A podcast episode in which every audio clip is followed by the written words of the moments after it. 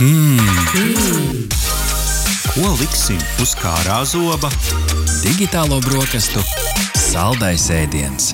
Labrīt, klausītāji! Sveicam jūs atpakaļ pie digitālo brokastu galda. Diemžēl arvien biežāk ziņās redzam virsrakstus par to, ka kāda valsts pārvaldes vai liela uzņēmuma mājaslapa vai platforma atteikusies darboties hakeru uzbrukuma rezultātā. Bet šodien parunāsim par to, kas ziņu virsrakstos parādās nedaudz retāk - mūsu personīgo drošību. Šīs dienas sarunā noskaidrosim, kā labāk pasargāt sevi un savas viedierīces no draudiem internetā, lai vasaru varam baudīt bez raizēm. Un uz šiem jautājumiem mums palīdzēs atbildēt divi kiberdrošības eksperti, jeb sargi. Un ar mums kopā ir uzņēmuma TET galvenais tehnoloģija direktors Dmitrijs Nikitins. Labrīt!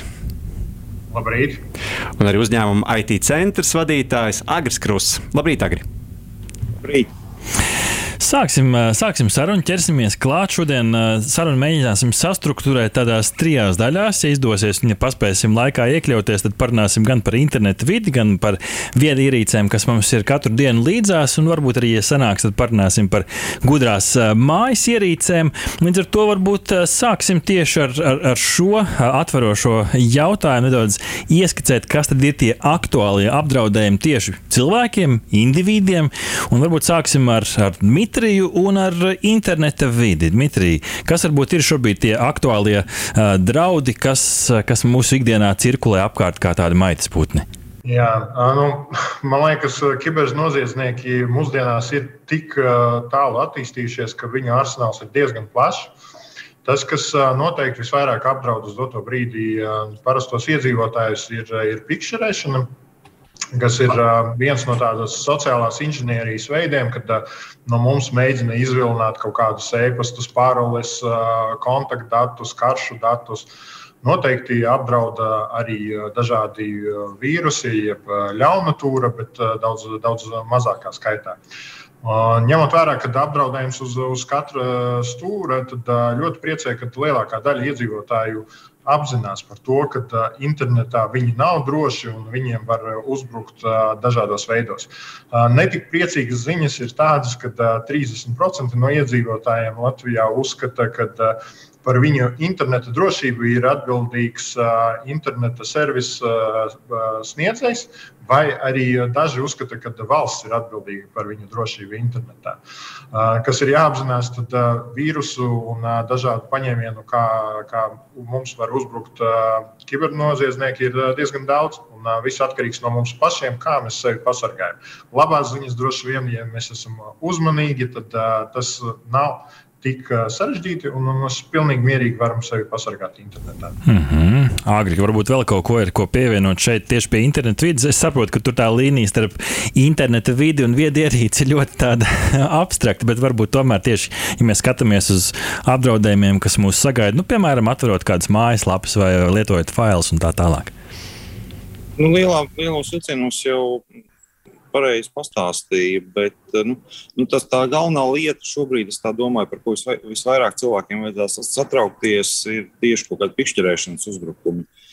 Uh, nu, tur tā, viņi parasti kombinē kaut kādu ne tikai internetu vidi, tie paši telefoni zvani par uh, krāpniekiem, kas mēģina izkrāpt naudu par kaut kādas problēmas jūsu banku kontu, vēl par kaut ko. Nu, Viss sākās reālajā vidē, un, iz, un pēc tam pasākums beidzās internetā, kaut kādā vietnē. Ja, ja skatās uz kaut kādiem tādiem nu, vidējiem lietotājiem, tad tie ir tie galvenie riski. Tur, savukārt, viedierīcēm saistībā nu, arī kaut kāda ļaunatūra uz viedierīcēm, kas uh, nozog kaut kādu finanšu informāciju, maksājumu kāršu numurus, uh, paroles kaut kādās vietnēs. Nu, kaut kas tāds ir. Tad mēģina mūs noķert uz muļķi, tā, tā, tā teikt, vienkārši runājot, vai ne? Jā, nu kaut kādā nu, mērā tas ir tas veids, arī, cik es saprotu, tā pikšķerēšana veids, kā tiek zakta mūsu identitāte. Kas tad īsti ir tā identitātes zādzība, agri un kāds izpaužas praktiski? Tik pieminēti dažādi varianti, bet varbūt nedaudz detalizētāk. Nu, kāds piemērs, kāds jā, piemēri, jā. Mm -hmm. Nu, grūti pateikt par identitātes zāles. Kas, kas preci, es domāju, ka ir diezgan grūti no, nu, uh, nodefinēt, kas ir identitātes zādzība tieši kaut kādā interneta uh, sakarā.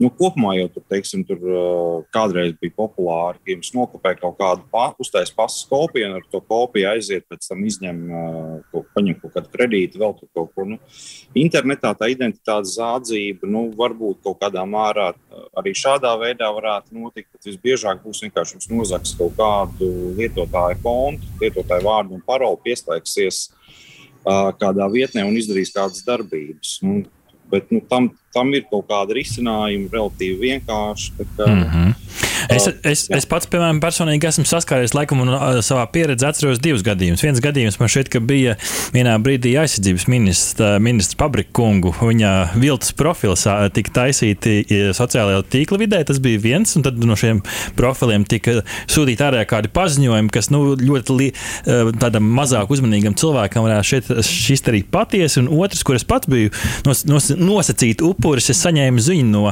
no vienas universitātes administratīvā departamenta departamenta. Pat patiešām īsts e-pasts vismaz tajā nu, redzamajā daļā bija, bija ielikts. Un, nu, vienīgais, kas man kaut kā darīja bažīgi, bija, ka faila nosaukums bija tāds savāds un šur tur kādas valodas kļūdas. Nu, šis skaitītos kā tāds identitātes zādzības piemērs, šie abi piemēri patiesībā. Nu, tas pirmais par to. Nu principā jau jā, nu, kā viņi ja ļoti plaši skatās, noteikti jā, tie vilcis profili arī varētu būt. Nu, viņi nav varbūt tādā tradicionālā veidā, kā to saprot. Nu, visu laiku mēs esam sapratuši, ka jums nozog kaut kādu tādu reālu identitāti, bet nu, vilcis profils nu, var būt jā. Tur izliekās par banku, par universitāti. Arī ļoti iespējams, bet varbūt neizliekās. Nu, tur arī tur nozaga universitāti, piekļuva universitātes e-pastam, un tad nu, viņi tur sāk sūtīt kaut ko. Nu, arī, nu, vai tā ir identitātes zādzība? Nu, es, es tik plaši neskatītos ar to, bet nu, kāds jau var pastīties. Mm -hmm. Tā arī ir. Aiziesim pie nākamā piemēra. Mēs tā nedaudz pameklējām, pafantazējām par dažādiem apdraudējumiem. Varbūt šeit mēs Dmitrijam varētu piespēlēt. Šeit patiesībā mums, mēs nedēļas sākumā prasījām LSM.CLV Instagram kontas stāstos cilvēkiem, lai viņi iesūta arī, kas viņus satrauc. Un nu šeit Mārtiņš mums raksta, man ir satraukuši dažādi mazie pakalpojumu sniedzēji, kuriem vajag ievadīt kartes datus, bet nu, tur ar vienas konkrētas bankas spraudni, Edge un Chrome pārlūku programmās es ātri varu ievadīt vienreiz lietojamās kartes datus, nebaidoties. Tāds komentārs uh, no Mārtiņa. Uh, Dmitrij, kā ir ar šiem te sensitīviem datiem, kas ir finanšu dati? Ko, kāds būtu ieteikums cilvēkiem, varbūt, kas mūs klausās, kur vadīt, kur nevadīt un kā neuzķerties uz, uz kaut kādiem viltus, viltus mēģinājumiem izkrāpt no mums kartes datus, lai pēc tam neataptos ar tukšu kontu? Nu, vienmēr ir jāpārliecinās, kur mēs vadām tos datus. Un tas īstenībā nav tikai par karšu datiem. Ir jā, jāskatās, kur mēs vadām savus privātos dat, datus, loginu, paroli. Vienmēr ir jāpārliecinās, ka vietne ir uzticama. Jā, tas, kas var parādīt pirmo priekšstatu, vai tas drošības certifikāts, piemēram, vietnē ir kā tāds, to var apskatīties jūsu pārlūku programmā, tur stūrītī pie adreses, vai ir tā slēdzenīte. Protams, karšu datus jāvada tur, kur jūs uzticaties tam pakalpojumu sniedzējiem. Un pārsvarā tie visi izmanto tās lielākās karšu maksājuma sistēmas, un jūs varat arī pārbaudīt, ka šis ir uzticams karšu apstrādes uzņēmums, un es varu tur ievadīt savus kartes datus. Labs, labs paņēmiens, protams, ir tās vienreiz lietojamās kartes. Kaut kādām bankām ir šāds pakalpojums, tad vienreiz izmanto, nauda tiek noņemta, karte tiek iznīcināta un vairs no jums nauda netiks paņemta. Bet tas, kas ir jāatcerās, kad Tās briesmas uzglūna mums gan digitālajā vidē, gan ārpus digitālās vidas, ko pēc tam izmanto digitālajā vidē. Piemēram, kad jūs braucat ceļojumā vai ejat uz kafejnīcu, ja viesmīlis paņem jūsu karti un aiziet prom ar to karti, nekādā gadījumā nedodiet viņam to darīt. Viņš var norakstīt jūsu vārdu, uzvārdu, visas kartes datus un pēc tam lēnītēm iepirkties internetā. Jūs pat to varat nepa, ne, nepamanīt, būs noņemts par 10, 20 centiem. Tāpēc ievadiet savus kartes datus un dodiet savu karti tikai tiem, kuriem jūs uzticaties, kad jūs pārvaldat to pakalpojumu. Un bankā, protams, pamēģiniet pieslēgt arī tādu pakalpojumu, ka banka visu laiku sūta jums paziņojumus par visām transakcijām, lai jūs varētu atsakot, ja kaut kas līdzīgs gadās. Savukārt, Agrim gribēja pavaicāt arī viens no mūsu skatītāju jautājumiem uh, - viltus profilu sociālos tīklos. Nu, cilvēks katru reizi ziņo, ka saņem kādu interesantu ziņu, no, protams, no cilvēka, ko viņš nepazīst, parasti kādu uzaicinājumu mm. sociālajos tīklos, bet uh, tie tiek visu laiku tiek ziņots par tiem, bet, bet tie paldies skaidrītē par šo komentāru. Paldies skaidrītē, mm -hmm. tiešām jā, un, bet tie, tie paziņojumi, tie uzaicinājumi parādās kā sēnes pēc lietas katru, katru brīdi. Un tiešām nu, mēs, mēs ar pārliecību varam teikt, ka nu, es domāju, ka gandrīz katrs no sociālajiem tīkla lietotājiem vismaz reizes dzīvē ir, ir, ir, ir saņēmis kādu ziņu no, nezinu, skaistas blondīnas vai stilīga jaunieša vai kāda zīmola, uh, nu, piedāvājot vis visādas iespējas, mm -hmm. ja, gan, gan kādu pakalpojumu, gan, gan vienkārši draudzēties, gan visu ko citu. Uh, kā atšķirt pirmkārt, nu, kad ir uzpeldējis vienkārši kāds labs piedāvājums, un, un kad tas ir, nu, kā to mēdz saukt, bots uh, vai robots, un, un, un nu, teiksim, no kā ir jāuzmanās šādos brīžos? Nu, es teiktu, tā, ka tur diez vai uzpeldēs kādreiz kāds labs piedāvājums. Tie visi piedāvājumi tik slikti. Tā slikti attiecīgi. Nu, par to apstiprināšanu, ko, ko apstiprināt, ko neapstiprināt. Nu, ja izstāsta pārāk, nu, nu, tur katram jā, jā, jāsāk domāt vienkārši, nu, vai, vai tur tiešām ir jēga apstiprināt. Ja jūs, teiksim, nerakstat neko tādā sociālajā tīklā un, principā, tikai lasat, un pēkšņi jūs tur kaut kas nepazīstams uzaicina, nu, no tā, protams, nekāda baigo risku nebūs nu, visādā ziņā, bet nu, tad jautājums, jā, nu, Tie, visticamāk, jau tā vienkārši draudzības apstiprināšana vai kaut, kā, kaut, kaut kas tāds, nu, reti, radīs mums kaut kādas problēmas. Ja nu vienīgais jūs aktīvi rakstat kaut ko tur, teiksim, ko redz tikai jūsu draugi vai vēl kaut ko, tad tie tur varēs redzēt, to, ko jūs esat sarakstījuši. Bet tās, tā kopumā skatoties, nu, vienkārši neapstipriniet. Nu, es vismaz tā daru, respektīvi, ja es nesaprotu, kas man ir uh, kaut ko atsūtījis, uh, vai es nevaru vaļā pat ziņas, nu, neinteresējos, kas tur ir un tā tālāk. Respektīvi, kaut kā tādā veidā skatos šo lietu. Dmitrijs redz, ka grib kaut ko piebilst, bet es gribēju vienkārši pajautāt, Dmitrij, kāpēc vispār man kāds raksta? Nu, kā, vai tas tāpēc, ka es ieeju kaut kādās lapās iekšā un tāpēc viņi dabū manus, vai, vai vienkārši tas ir uh, nu, kaut kā randomā viņi atrod manus, manus kontaktus? Kā tas, kā, kā tas notiek? Es domāju, ka sociālajos tīklos tas uh, vairāk ir randomā, respektīvi raksta visiem pēc kārtas un mēģina izvēlēt kaut kādus datus. Uh, personīgos datus, kredītkaršu datus, ko pēc tam var izmantot. Un es piekrītu Agrim, nu, veiksmi parasti no zila gaisa nenokrīt. Ir jānopelna, ne? Tādiem super saldējiem piedāvājumiem, kur tu esi vinnējis, vai arī mums ir super piedāvājums. Ja mēs, mums tiešām liekas, ka šo varētu izskatīt, tad papētām sīkāk, paskatāmies tā cilvēka profilu, paskatāmies Google, vai tas cilvēks eksistē.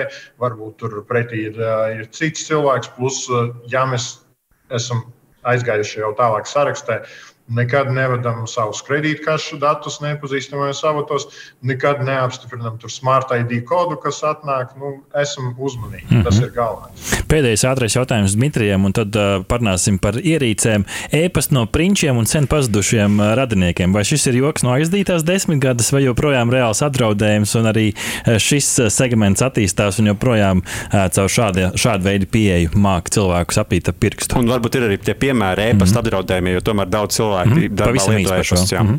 E-pasta no prinčiem, man liekas, vēl joprojām ir.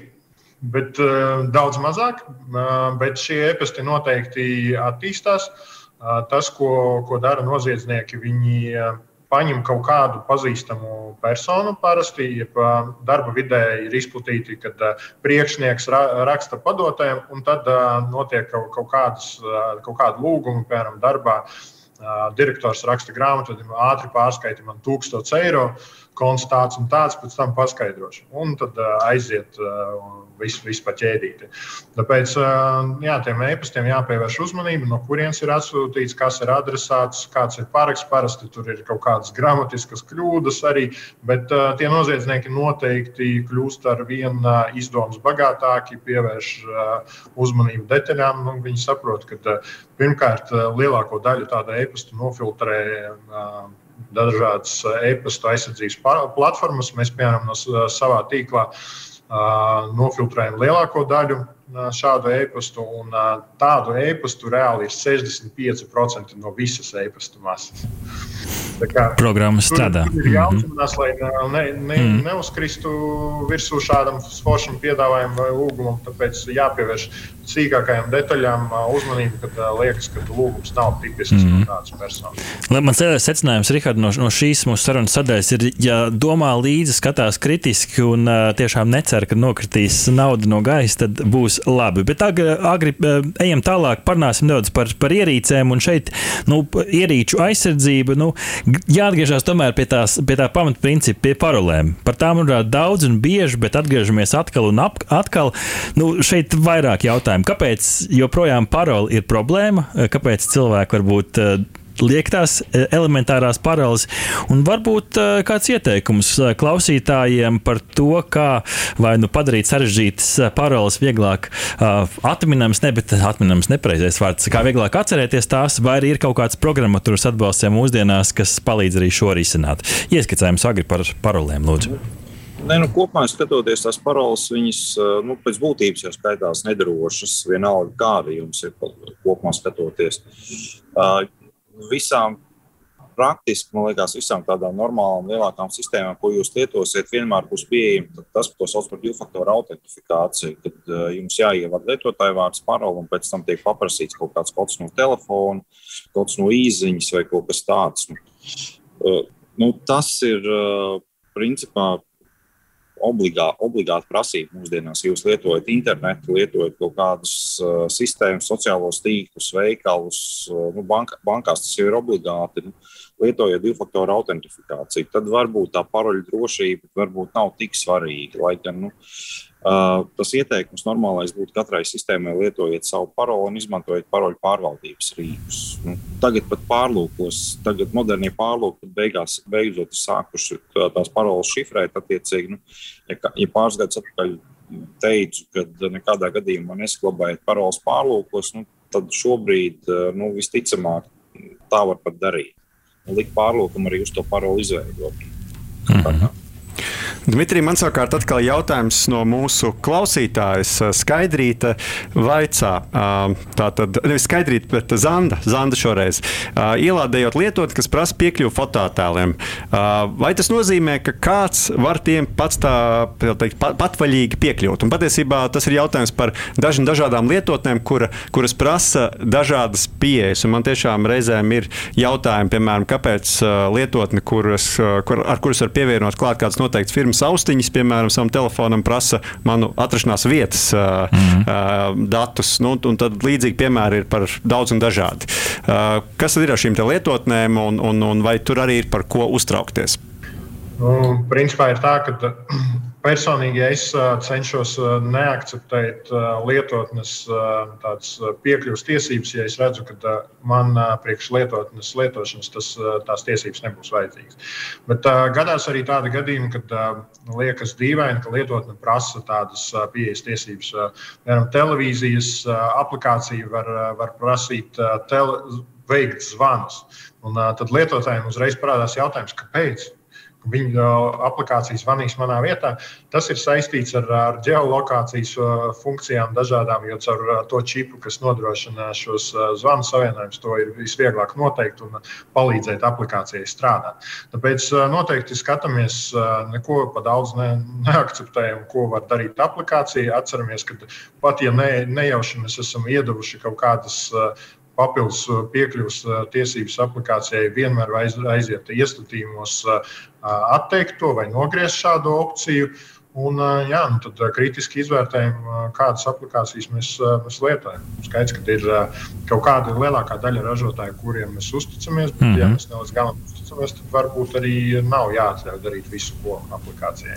Bet tā kā Rihards jāvelk, jāvelk līdzi ar pirkstu un patiešām kritiski aizvērtē. Pavisam noslēgumā, pirms mēs nopaļojam šo sarunu, Agrim gribēju paprasīt par gudrajām mājām. Mums ir dažādas gudras ierīces, tās kļūst ar vien gudrākas, šķietami, ar vien vairāk vairāk ir savienotas ar internetu. Kā pasargāt kopumā mājas šo te mm, Internet of Things uh, kopumu? Kas ir tas vājais punkts? Vai es minēšu šobrīd, vai routers ir tas, kur, kur ir kārtīgi viss uh, jānodrošina, vai ir vēl kāds tāds galvenais princips, kā pasargāt savas gudrās ierīces mājās? Ne, nu, pirmais jau jāizvērtē, vai nu, tādas jūs pērkat, un vai jums viņas vajag. Tā ir tā, ka nu, to, tā, to būtu jāsāk, bet nu, jums liekas, ka viņas vajag. Un, nu, bieži vien viņas tā, tā arī ir, ka cilvēkiem gribās viņas.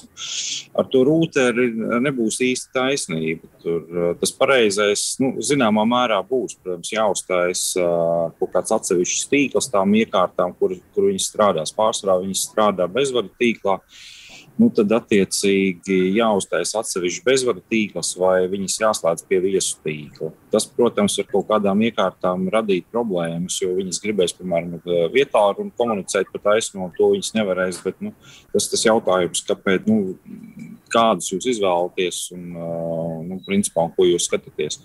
Un tad vēl, protams, ar tām viedierīcēm nāk kaut kāda privātuma riski. Jo nu, tā modernā, tā, kā, kā viņas tagad taisa, ir, kad viņas neslēdzās pie tām jūsu iekārtām, pie jūsu telefona lokālajā tīklā, bet viņas slēdzās pie sava mākoņa, tos datus glabā mākoņi. Tad jūs ar savu mobilo aplikāciju slēdzaties pie tā mākoņa un dabūjat tos datus atpakaļ. Un tad jautājums, cik dati tur droši glabājās. Nu, es teiksim, pieņemtu, ka uh, viņi tur neglabājās droši. Respektīvi, ja tur ir kaut kas konfidenciāls, ko viņi varētu savākt, nu, par to vajadzētu satraukties. Mm -hmm. Nelietot vispār.